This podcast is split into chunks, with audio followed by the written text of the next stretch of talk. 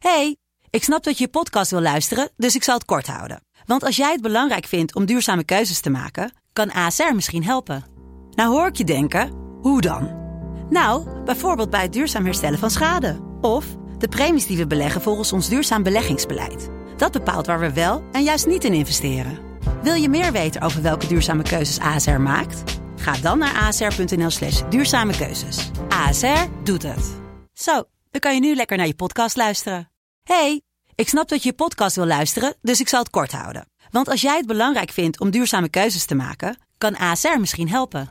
Nou hoor ik je denken, hoe dan?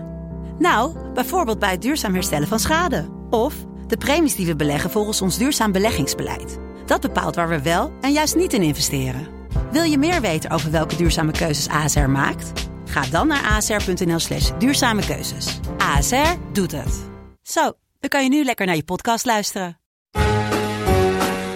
Dit is Mand, de kortste podcast van Nederland. Vandaag gaan we het hebben over ochtendasem. Dat je uit je mel stinkt, Ryan. Dat eh, zul je vast wel herkennen. Heeft iedere man wel eens. Nee, heb ik Wat, niet. nou, dat lijkt me sterk. Heb Wat doe je dan? Peterselie? Nee, ik, Knoflook? eh, ik poets mijn tong altijd. Met knoflook. Nee, met tandpasta. Met een schraper?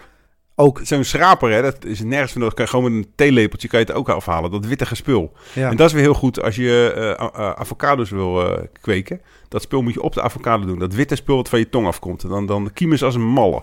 Dit was Mand. Hit the road, Jack.